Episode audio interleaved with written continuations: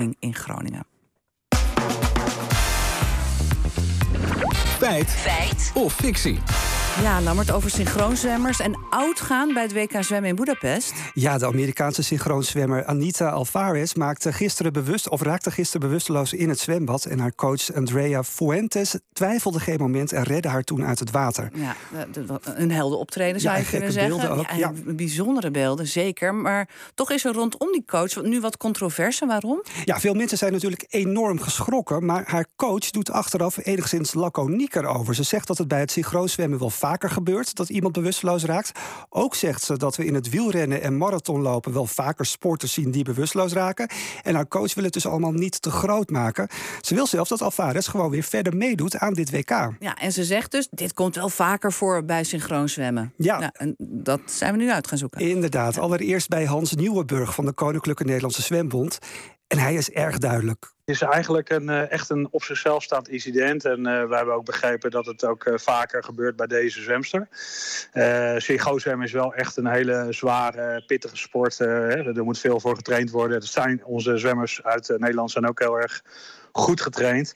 Uh, dus ja, als je, als je goed getraind bent uh, en je bent gezond, dan, uh, dan, overkomt, dan moet je dit gewoon normaal gesproken niet overkomen. Dus ehm, ja, het is echt een op zichzelf staand incident. Het is niet te, te linken aan, aan het synchroonzwemmen, wat ons betreft. Dat lijkt me helder. Ja, maar ja, coach Fuentes zegt ook nog dat wielrenners en marathonlopers regelmatig bewusteloos raken. Dus dat hebben we voorgelegd aan inspanningsfysioloog Thijs IJsvogels van het Radboud UMC.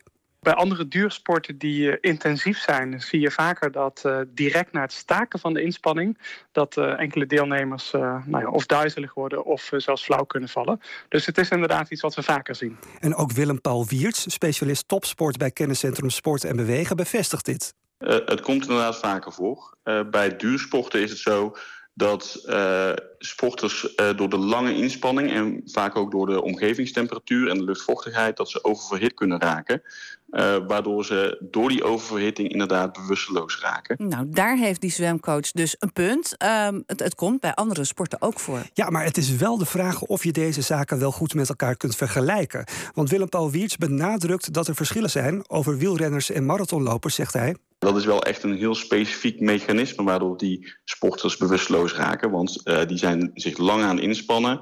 Die zijn uh, vaak in warme temperaturen of bij een hoge luchtvochtigheid en dan raken ze overhit. Waardoor ja, uh, het lichaam er eigenlijk mee ophoudt. Um, en daar is natuurlijk in dit geval van uh, deze schoonzwemster is natuurlijk geen sprake van. Ja, Wiertz vindt dus dat de zwemcoach de bewusteloosheid van haar pupil niet mag vergelijken met het oudgaan van duursporters. Oké, okay, die zwemcoach die zegt dat bewusteloosheid in het synchroonzwemmen vaker voorkomt en ze wil het incident niet te groot maken door te wijzen op andere sporters die wel eens bewusteloos raken. Hebben we hier te maken met feit of fictie? Nee, het is toch echt fictie. Bewusteloosheid hoort niet bij het synchroonzwemmen. Daarover is de zwembond duidelijk. En duursporters raken inderdaad wel eens bewusteloos, maar dat kan je volgens de wetenschap niet met deze casus vergelijken. Ze adviseren daarom deze zwemmer eerst eens even goed medisch onderzoek te laten doen